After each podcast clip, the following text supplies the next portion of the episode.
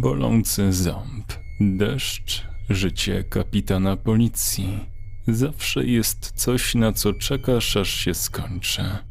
Taki napis widniał na przydrożnym murku i mijający go właśnie Jeffrey Allen nie przypuszczałby, iż moda na chuligańskie pseudo-graffiti zawita w końcu do Casserols. Widok ten nie zmazał jednak wyrazu ogólnej radości z twarzy listonosza, do którego cały lipcowy dzień się uśmiechał, a on ów gest odwzajemniał komu tylko mógł. Droga, uprzednio rozżarzona czerwcem, teraz odpoczywała w słońcu po wczorajszej suto zakrapianej busze. Pracownik poczty zatrzymał samochód, po czym wyjął zeń sporych gabarytów paczkę, która jednak ku jego zdziwieniu wydawała się nadzwyczaj lekka. Dzień dobry, zawołały niemal równocześnie dwie mijające go dziewczynki. Dzień dobry i słoneczne, odpowiedział i kontynuował niesienie paczki nadanej priorytetem, a zaadresowanej do Henry'ego Bolbao. Wkrótce, stojąc pod drzwiami, użył dzwonka i czekał.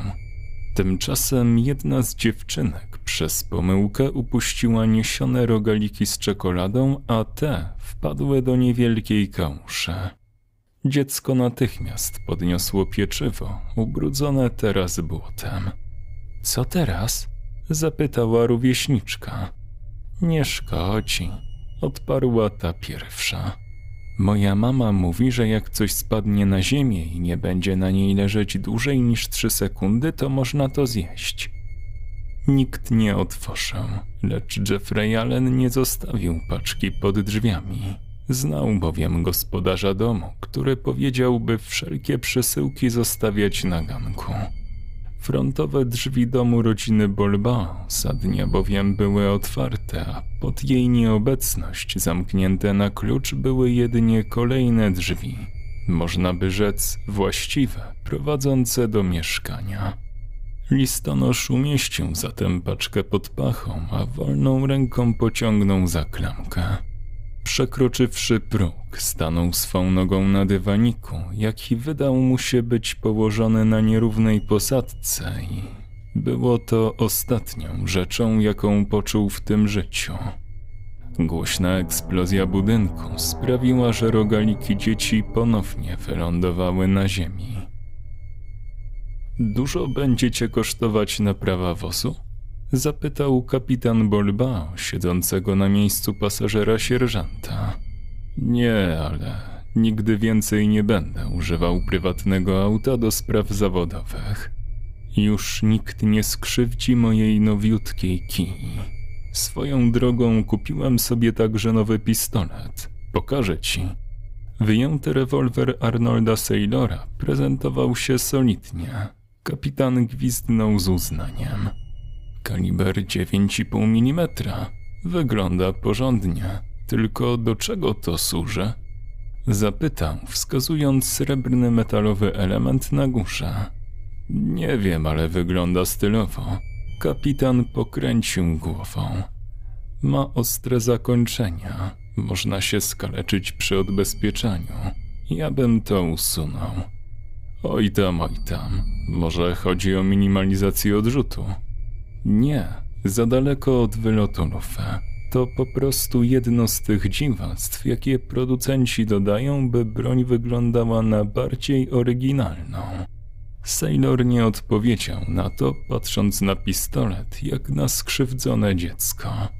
Może po drodze wstąpimy do mnie, zaoferował jego kolega.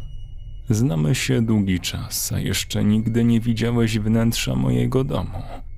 Edna wyjechała do spa i wraca jutro, a dzieci są u jej siostry. Jakoś tak pusto bez nich. Pewnie, czemu nie? Odparł Arnold i nagle podniósł rękę, by wskazać coś palcem. Popatrz, dym.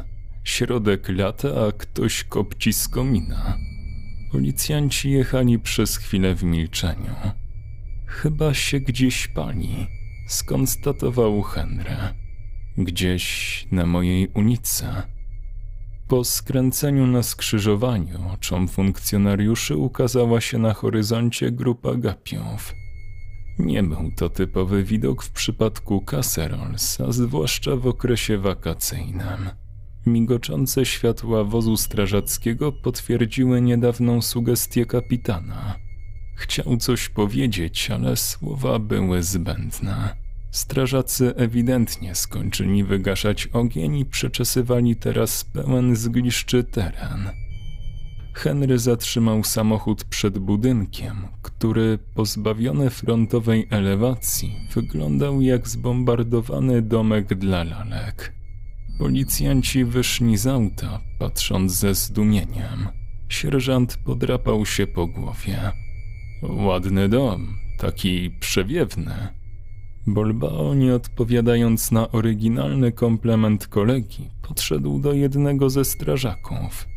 Co tu się stało? Wąsaty jegomość rozpoznał w mężczyźnie kapitana policji. Podłożono ładunek wybuchowy. Wyjaśnił. Był umiejscowiony w ogrocie. Ustawiony czasowo? Nie. Tuż pod drzwiami wejściowymi po stronie wewnętrznej był przycisk, zapewne połączony kablem z ładunkiem. Tak przynajmniej sugeruje nasza analiza. Proszę spojrzeć tutaj. Ewidentne źródło eksplozji. Sprawcy chodziło o to, by pan, gdy tylko wejdzie do domu, uruchomił bombę. Ale nie uruchomiłem. Skąd zatem wybuch? Prawdopodobnie przycisk był zbyt wrażliwy. Jest jedna ofiara. Ofiara? Zdziwił się kapitan. Strażak kiwnął w kierunku stojącego w pewnej odległości auta i dodał: Należy, a raczej należał do Jeffreya Allena. Dwie dziewczynki są świadkami tego, jak listonosz szedł w kierunku pańskiego domu, niosąc dużą paczkę. Bolbao otarł pot z czoła. Zatem to Allen uruchomił bombę. Umówiłem się z doręczycielami, żeby zostawiali przesyłki w przedsionku. Drzwi były zazwyczaj otwarte.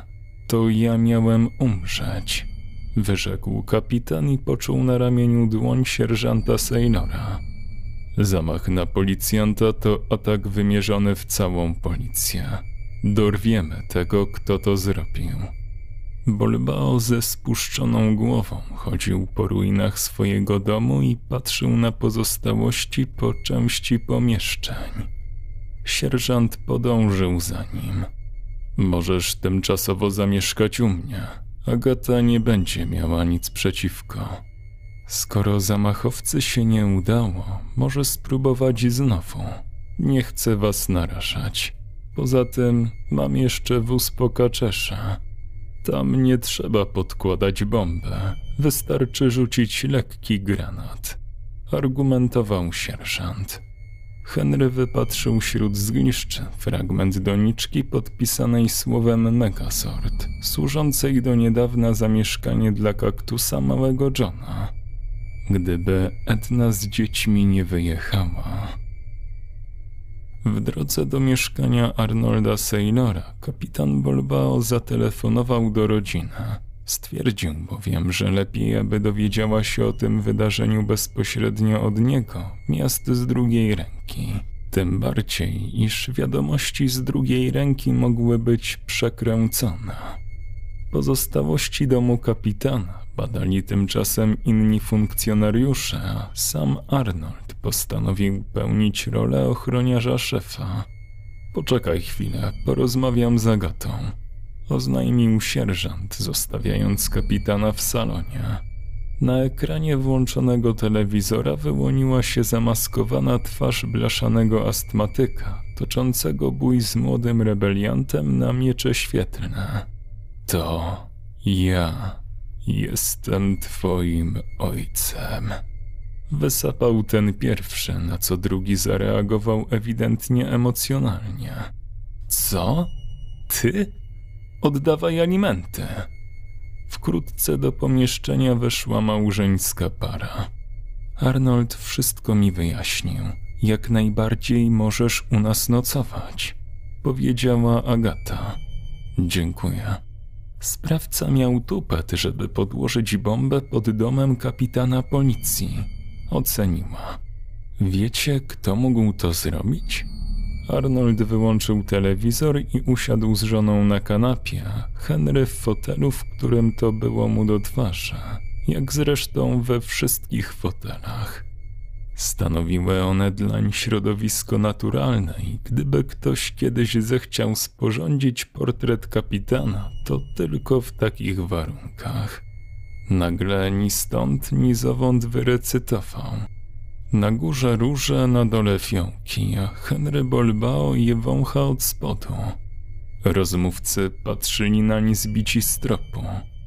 Moja córka znalazła tydzień temu taką kartkę pod drzwiami.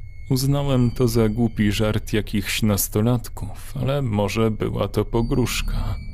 Arnold pokiwał głową. Od niedawna w Caserols pojawiają się różne maziaje na murkach, pisane pod twoim adresem. Aczkolwiek jacy nastolatkowie skonstruowaliby taką bombę? Dokładnie. Zgodził się Henry. Ponadto takie pogróżki nie mają sensu. Po co zapowiadać swoje przestępstwo? Gdybym dostał wiadomość o treści odejdź z policji, bo pożałujesz, wówczas miałoby to sens. Dlatego też owe napisy mogą być zupełnie niepowiązane ze sprawą. Zatem kto? Rzuciła w przestrzeń Agata. Ktoś powiązany ze sprawą, którą akurat badacie? Bolbao pogładził brodę, co oznaczało stan zamyślenia. Raczej nie mamy nierozwiązanych spraw, poza jakimiś pomniejszymi kradzieżami czy aktami wandalizmu. Jedyne, co mi przychodzi do głowy, to śmierć Charlotte Williams, tej nastolatki zamordowanej przez zboczeńca jakiś czas temu. Aczkolwiek śledztwo od dłuższego czasu stoi w miejscu, choć sprawca zostawił sporo swojego DNA. Na te słowa Agata wyraźnie się zdziwiła. Myślałam, że to wystarczy. Z wyjaśnieniem pospieszył jej małżonek. Wystarczyłoby, gdybyśmy mieli takie DNA w basie. Gdyby sprawca albo jego bliski krewny był wcześniej notowany, wówczas mielibyśmy z czym porównać odciski palców pozostawione na miejscu zbrodni. Zgodnie z prawem policja nie może zbierać czyichś odcisków bez pozwolenia lub gdy nie dotyczą one spraw kryminalnych. Stąd też zaproponowałem, by uruchomić w Caserols i w okolicach specjalną, nazwijmy to, kampanię reklamową zachęcającą mieszkańców do wolontarnego zgłaszania się na komisariat w celu pobrania ich DNA. Nasz kolega zaprojektował nawet plakaty i ulotki. Pozyskał zgodę od kilku sklepów na ich rozwieszenie. Nawiązaliśmy też współpracę z pocztą, która zgodziła się pomóc w kolportażu tych materiałów, aczkolwiek społeczeństwo jest raczej podejrzliwe. Może zatem była to zemsta. Nie poddawała się kobieta. Przez tyle lat pracy kapitan z pewnością narobił sobie wrogów, że tak to ujmę. Arnold i Henry otworzyli w swoich głowach annały zamkniętych spraw, by począć rozwijać powoli swe mózgowe zwoje. Pomyślmy, zaczął Bolbao.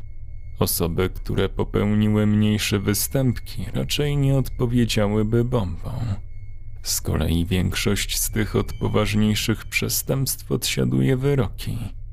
Mogli wynająć kogoś z zewnątrz. Zaproponował Sejnor. Na przykład kto taki i dlaczego akurat teraz? Może ktoś złapany niedawno? Robert Miller? Facet był zadłużony, pamiętasz? No tak. Larry McLaren też odpada, co zupełnie nie w jego stylu. Jaden Powers to ten czarnoskóry prawnik, który w pewnym sensie okradł samego siebie. Ten z pewnością miał wiele kontaktów, ale nie sądzę, by chciał mojej śmierci. Nagle zadzwonił telefon kapitana. Tak? Dziękuję, to miłe z pana strony. Mafia Zalacaster? Dziękuję za wiadomość. Kto to był? Kapitan Thomas McKinley. Ma pewien trop. Arnold wstał za maszyście. No to bierzmy się do roboty. Jeśli coś ma być leniwe, to tylko kluski w kuchni. Komisariat Walacaster wyglądał bardzo nowocześnie. Thomas McKinley nie zmienił się zbytnio od ostatniego spotkania ze swoim odpowiednikiem z Casserols, może z wyjątkiem długości swych wąsów. Witaj, Henry. Miło mi będzie się odwdzięczyć za pomoc w sprawie rozpruwacza. Tym bardziej, że zamach na ciebie zdaje się mieć z nią związek. Chłód dotyku jego lodowatej dłoni świadczyć mógł wyłącznie o lichem krążeniu krwi w organizmie albo o pochodzeniu z innego świata. McKinley pochodził jednakże z planety Ziemia i stąpał po niej wyjątkowo otwarto.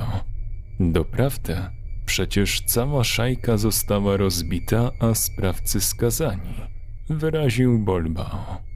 No to patrz na to. Odparł wąsacz lakonicznie i wskazał ekran. Widniała na nim postać w masce świni. Głos osoby był zmodyfikowany komputerowo.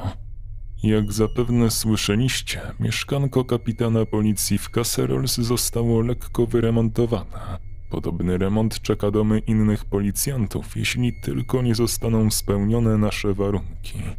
Te są bardzo proste. Oddajcie wszystkie brylanty, jakie zakupiliśmy od naszych przyjaciół w Republice Zemeńskiej. Umieśćcie je w miejscu wskazanym na ekranie. Macie cztery dni. Jeśli tego nie zrobicie, bum. Postać w masce po chwili zaczęła powtarzać to samo. Licznik wrogu odmierzał czas czterech dni. Wideo z wyjątkiem licznika jest zapętlone, całość publikowana na żywo w czasie rzeczywistym. Wskazane miejsce to obficie zadrzewiony teren na południu Alacaster, wyjaśnił McKinley. Da się ustalić skąd pochodzi stream? Nasi hakerzy ustalili, że źródłem jest komputer w Alacaster lub okolicach. Twierdzą, że określenie dokładniejszej lokalizacji będzie trudne i musi potrwać. Strumienia nie opublikowano na szatnym YouTubie, ale w tak zwanym darknecie, a autorzy użyli nieznanych nam zabezpieczeń. Bulbao pogładził się po brocie. Jest na to prostszy sposób. Oznajmił. Jaki? Poprosić stację energetyczną o spowodowanie krótkich, kontrolowanych wyłączeń prądu. Dzielnica po dzielnicy, oprócz tej, na której jesteśmy. Przerwy mogą trwać kilka sekund. Kiedy świński ryj zniknie na moment z ekranu, zapytamy, na której dzielnicy stacja się zatrzymała. Tam znajdziemy źródło live'a. Genialne. Pochwalił McKinney i natychmiast zabrał się za realizację tegoż patentu. Tymczasem sierżant Sailor skończył trwającą chwilę rozmowę telefoniczną. Nasi donoszą, że naprzeciwko twojego domu znaleziono sporo petów z mentolowych papierosów. To może nic nie oznaczać, ale mógł być to punkt obserwacyjny zamachowca. Dokończył kapitan. Dokładnie. Dzielnica Juland była dla Alacaster tym samym, czym Mortfields dla Noisimont, Praga dla Warszawy lub Sosnowiec dla świata. Nie pomagały temu warunki atmosferyczne, albowiem nad blokami zawisła właśnie chmura ciężarna od deszczu, a jej ciemna barwa zwiastowała burzę. Naprzeciwko blokowiska stał park, jakiemu pomimo wrzącego lipca pasowałoby bardziej określenie cmentarzysko drzew. Ubogie w liście jesiony układały się w rząd jak do rozstrzelania, a ich powykręcane gałęzie budziły skojarzenia z uniesionymi rękami zakładników. Księżyc zaś z siną, poobijaną i opuchłą twarzą, zawisł pod chmurą nisko, jak gdyby z rozpaczy na ten widok się powiesił. Wszystko wyglądało tak, jakby niebo chciało spaść na ziemię deszczem, lecz z jakiegoś powodu nie mogło, wisząc w bezsilności nad głowami ludzi i domów. W powietrzu unosiło się wyraźne napięcie, bynajmniej nie tylko w kontekście wiszących nad głowami uzbrojonych funkcjonariuszy linii elektroenergetycznych. Gdyby dodać do krajobrazu kilka błyskawic, blok mieszkalny mógłby budzić skojarzenia ze starym zamczyskiem z gotyckiej opowieści grozy, zamieszkiwanym przez szalonego naukowca. Otoczyć budynek – rozkazał McKinney i jego ludzie porozstawiani się dookoła bloku w uliczkach, w jakich byli świadkami panicznego przebiegania popiskujących futrzastych ciałek, stanowiących źródło uciechy dla kocich zębów. Dzięki zastosowaniu pomysłu kapitana Bolbao, jak i pracy informatyków udało się precyzyjnie ustalić źródło filmu. Henry towarzyszył kapitanowi Zalacaster w dokładnie zaplanowanym szturmie na budynek, podczas gdy Arnold wraz z porucznikiem Brixem czatowali na zewnątrz. To pierwsze zadanie było wbrew pozorom wielce wyczerpujące. Należało, stale zachowując przy tym ostrożność, wyprowadzać po kolei mieszkańców bloku, by zabezpieczyć teren przed potencjalną strzelaniną. Doświadczenie McKinleya w walce z przestępczością zorganizowaną okazało się tu niezwykle pomocne. W niedługim czasie grupa szturmowa zajęła przedostatnie piętro. McKinley zapukał do drzwi z numerem 13. Po dłuższym braku odpowiedzi otworzył je uprzednio uzyskanym od dozorcy kluczem. W środku, za sprawą zasuniętych rolet w oknach, było ciemno. Światła latarek przesuwały się po leżących na stole pudłach oraz elementach konstrukcji czegoś, co wyglądało na drona. W mniejszym pomieszczeniu policjanci znaleźli włączony komputer, nadający na żywo dobrze im znane wideo. Nikogo tu nie ma. W tym samym czasie stojący na zewnątrz sierżant Sailor wypatrzył u góry dwie długie deski, z których ktoś właśnie budował prowizoryczny mostek pomiędzy dachami bloków. Siła uderzenia tegoż widoku była analogiczna do mocy, z jaką w zmysł uderza głośne zafałszowanie na skrzypcach. Tam są. Zawołał. Po chwili w krótkofalówkach wszystkich mundurowych wybrzmiały jego słowa. Ktoś próbuje przejść przez dach na drugi budynek. Bolbao był pierwszy na schodach. Z wyciągniętą bronią wspinał się na górę, aż w końcu znalazł się na dachu. Ani kroku dalej, ręce do góry. Krzyknął do wstępującej na deski osoby. Postać odwróciła na chwilę głowę, ukazując ubraną na twarz maskę świni, po czym prędko przebiegła przez deski. Kapitan podbiegł do przed chwilą skonstruowanej kładki i zawahał się. Włączył krótkofalówkę. Widziałem jednego. Który z was waży najmniej? Po drugiej stronie, po schodach, wybiegał już sierżant z resztą grupy. Mamy go w kleszczach, nie ucieknie nam. Miał rację. Po chwili jego spojrzenie spotkało się z zamaskowanym. Jesteś otoczony. Jeśli masz broń, rzuć ją na podłogę. Masz teraz szansę trafić policjanta albo trafić do więzienia. Lecz to pierwsze wcale nie wykluczy drugiego.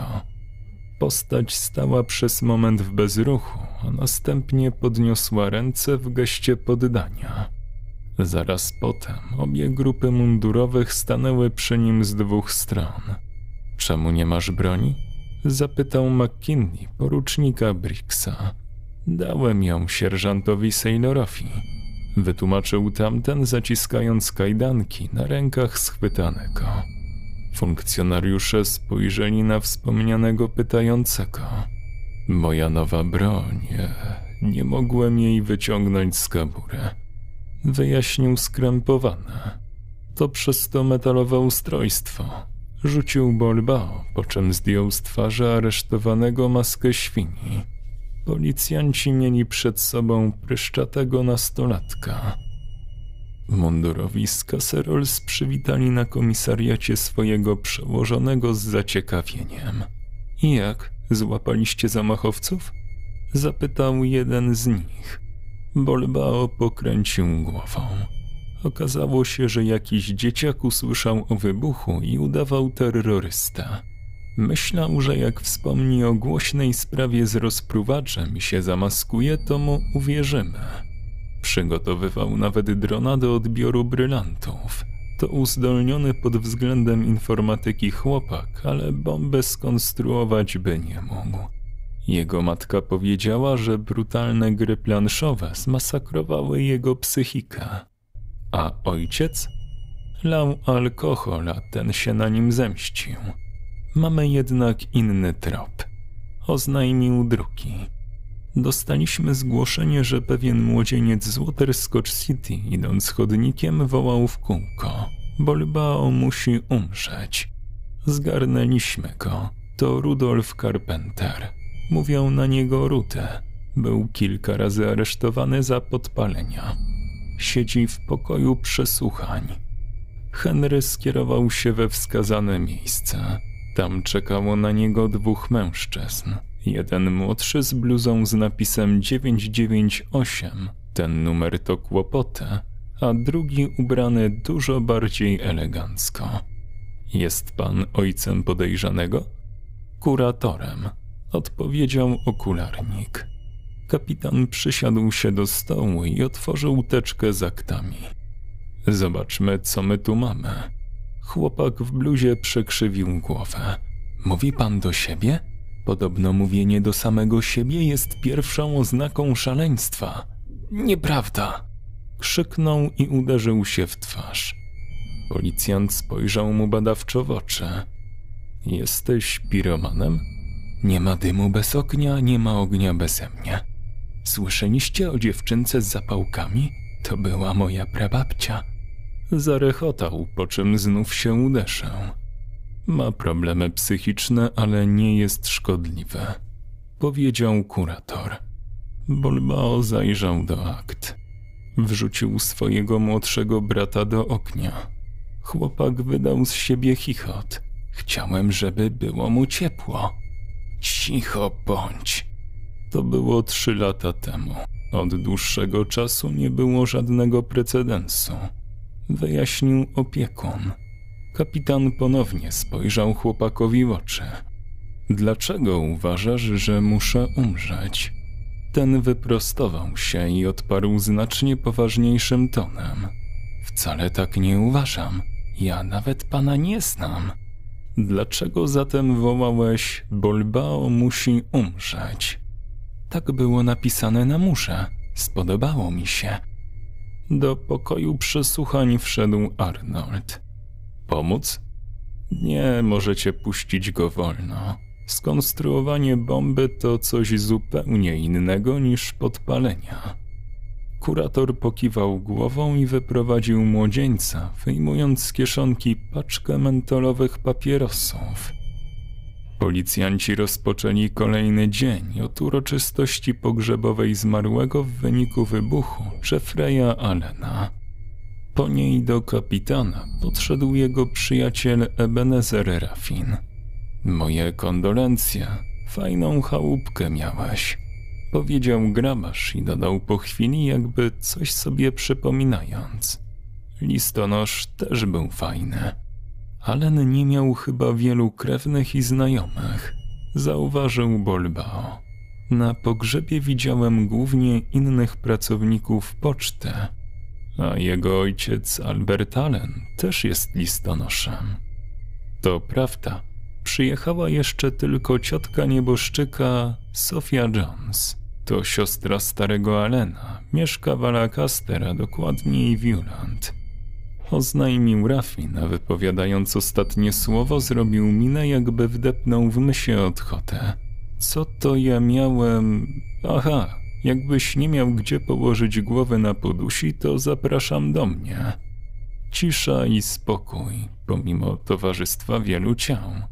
Poza tym pod moją chatę nikt by się nie fatygował umieszczać żadnych ładunków. I bez tego ledwo się trzyma. Nie trzeba. Henry mieszka u mnie. Wtrącił sierżant, witając się z Ebenezerem. Grabarz pokiwał głową. Dwóch policjantów w jednym domu, podczas gdy ktoś próbował zamordować jednego z nich. Odważnie. Swoją drogą, wolisz sosnę czy jesion? Zamachowiec miał idealne warunki. Wtrącił tym razem kapitan. Edny i dzieci nie było, a ja w pracy. Jest sporo czasu na umieszczenie ładunku.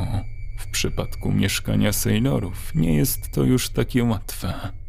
Nie bez przyczyny Agata nie przyjechała na pogrzeb. Poza tym, szczerze wątpię, aby sprawca próbował mnie zabić tym samym sposobem. Z pewnością zdaje sobie sprawę z tego, iż jego poprzednia operacja wzmożyła moją czujność. I nie masz pomysłu, kto to może być? Zupełnie nie mam. Jestem w kropce. Rozwiązałem wiele spraw kryminalnych, a gdy jedna dotyczy bezpośrednio mnie, nie mam nawet podejrzanego. Może jednak nie dotyczy ciebie? Zasugerował Rafin. Może ktoś wynajął płatnego zabójcę, a ten pomylił adresy. Profesjonalny zabójca pomylił adresy. To niemożliwe. Roześmiał się Arnold. Wiele rzeczy wydaje się być niemożliwymi, a jednak możliwość ich wystąpienia zależy od okoliczności. Na przykład, na przykład kury nie latają, ale jak przyjdzie tornado, to i krowa poleci. Bolbao się uśmiechnął. Trzymaj się, Benezerze. Rzucił mu na do widzenia, lecz tamten jeszcze zdążył zapytać. Ile masz wzrostu? Z metr siedemdziesiąt sześć, a czemu pytasz? Nieważne. Odpowiedział mi, gdy policjanci odeszli dalej. Dodał do siebie. Chyba mam taką na składzie. Henry prowadził zamyślone. Wprost niesamowite, jak bardzo mini ludzie się stają dla kogoś, komu właśnie eksplodowało mieszkanie. Orzekł Arnold Saynor. O czym myślisz? Bolbao musi umrzeć. Wypowiedział jego szef. Coś w tym jest. Sierżant rzucił kapitanowi pytające spojrzenie, ale ten go nie zauważył i powtórzył. Coś w tym jest. Myślę o kazaniu, jakie wygłosił ksiądz. O tym, że każdy powinien umrzeć dla siebie, by żyć dla innych. Wydaje mi się, że ostatnio za bardzo skupiałem się na sobie. To dlatego ta sprawa jest dla mnie taka trudna, bo przysłaniam ją Henrym Bolbao. Arnold nie przestawał patrzeć pytająco. Kapitanie, przecież jeszcze wczoraj omal nie zginąłeś w zamachu. Właśnie, nie zginąłem. Zginął ktoś inny. Kompletnie o nim nie myślałem. To on był ofiarą, nie ja. Ebenezer zadał rozsądne pytanie. Które? To o wzrost? Nie. Podzielił się sugestią, że może w tym wszystkim wcale nie chodziło o mnie. Do Sailora powoli zaczynało docierać przesłanie słów kapitana. Czyli listonosz mógł być celem? Wiem, że wydaje się to mało prawdopodobne, ale nic innego nie przychodzi mi do głowy. Gdzie jedziemy? Bolbao nie musiał odpowiadać. Samochód kierował się w stronę poczty. Budynek był bardzo ciasny. Zmieściłoby się w nim najwyżej 600 anorektyczek. Drzewie i pracowników było więcej, ale elektryfikacja komunikacji międzyludzkiej powodowała postępujący zanik i obecnie pocztowców utrzymywały głównie sprawy urzędowe oraz paczki. Młody Piegus był jednym z nich. Jeffrey był mega pozytywnym gościem. Pamiętam, jak po raz pierwszy przyszedł do roboty i jego ojciec go wdrażał. Tłumaczył mu co i jak. Szybko zrobił się bardzo obrotny. Czy deszcz, czy śnieg, z uśmiechem rozwoził przesyłę. Dobry kolo, pokój jego duszy. Czy mógł mieć wrogów? Spytał sierżant. Gdzie tam? Chyba, że mowa o unikających rachunków. Nie no, chłopak był równy gość, angażował się i w ogóle. Kapitan w tym czasie przyglądał się powieszonemu plakatowi ze zdjęciem Charlotte Williams. Widzę, że zaczęliście naszą kampanię. Powoli. Wybuch pańskiego domu trochę przyćmił sprawę tej dziewczyny. A propos, Jeffrey był chyba jedynym, z którego ust słyszałem, że chętnie zgłosi się na komisariat. Henry stał w bezruchu. Arnold ujrzał w jego oczach charakterystyczny błysk. To było to. Sierżant co prawda nie wiedział dokładnie co, ale wiedział, że jego przełożony trafił na istotną poszlakę. Czy komuś jeszcze o tym mówił? Zapytał Bolbao piegowatego. Nie wiem, ale znając go pewnie tak i może nawet zachęcał do tego innych. Ale w mojej obecności powiedział to tylko raz. Ktoś jeszcze przy tym był? Piegus zrobił minę zastanawiającego się pracownika poczty. No, ja, jego stary i może jeszcze pani Barbara. Dziękujemy za informację. Jasna sprawunia. Sierżant podążył za wychodzącym kapitanem i bez pytania wsiadł do samochodu. Albert Allen był wyraźnie zdziwiony wizytą funkcjonariuszy policji, to niedługo po pogrzebie. W czym mogę pomóc? Wiem, kto zamordował pańskiego syna, powiedział Henry Bolbao. Ojciec Jeffreya nie przestawał wyglądać na zaskoczonego. Jako, że nic nie odpowiedział, kapitan mówił dalej. Choć sprawa została rozwiązana, wciąż są pewne znaki zapytania. Nie są one jednak aż tak istotne. Mam na myśli to, że nie wiem na ile pogróżki pod moim adresem były pańskiego autorstwa. Kartka, którą znalazłem, mogła zostać podrzucona przez pana. Jako listonosz nie wzbudziłby pan tym żadnych podejrzeń. W każdym razie, to pan zaatakował Charlotte Williams. Zostawił pan sporo odcisków palców, ale nie mieliśmy z czym ich powiązać. Potem dowiedział się pan o naszej kampanii i usłyszał, jak Jeffrey wyraża chęć pójścia na komisariat w celu oddania DNA do policyjnej bazy. Dzieci dzielą z rodzicami 50% kodu genetycznego.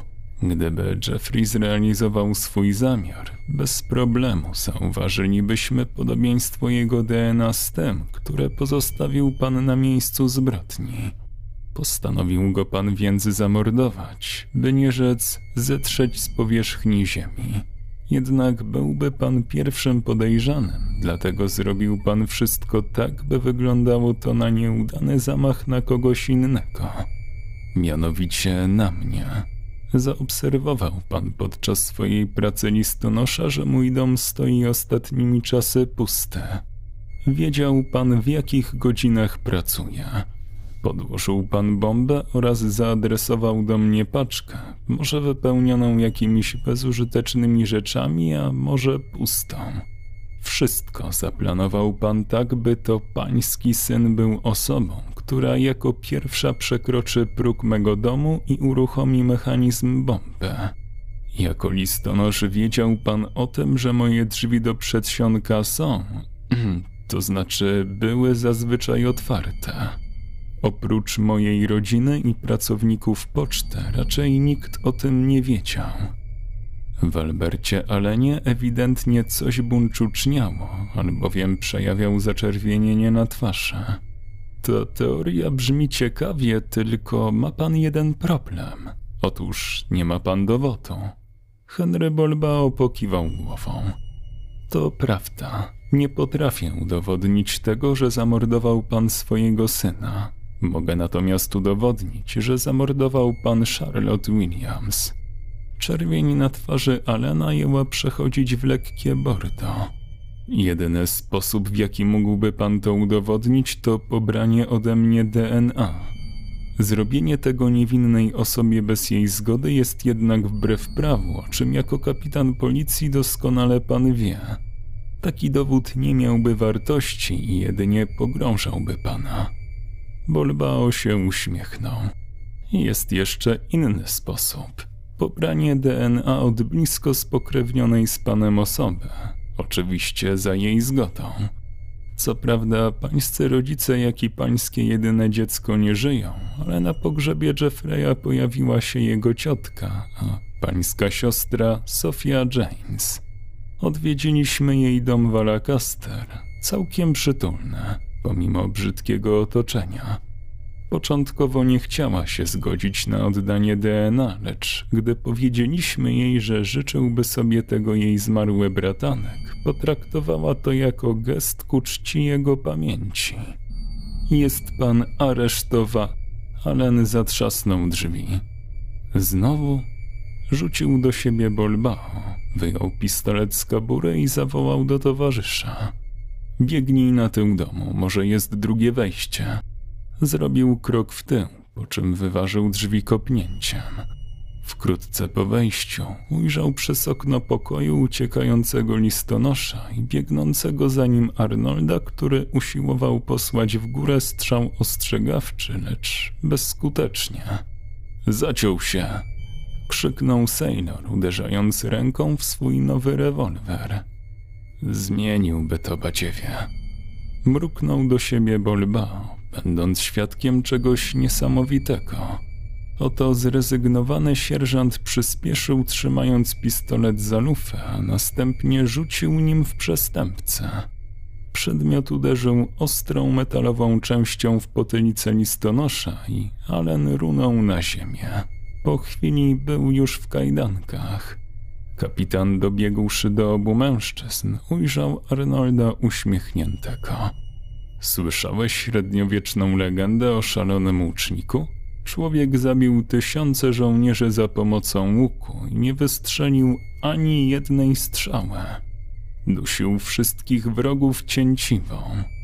Podobno nikt mu nie powiedział, jak się strzela. Zapraszam na stronę autora. Link w przypiętym komentarzu. Autor opowiadania Michał Sprytu z Waligura. Czytam Kwadrates.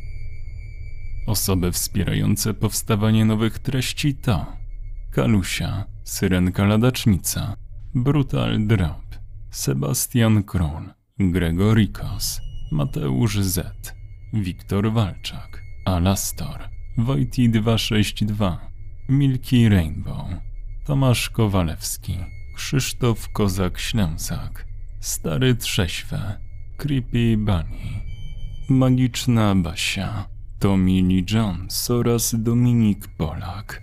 Do usłyszenia.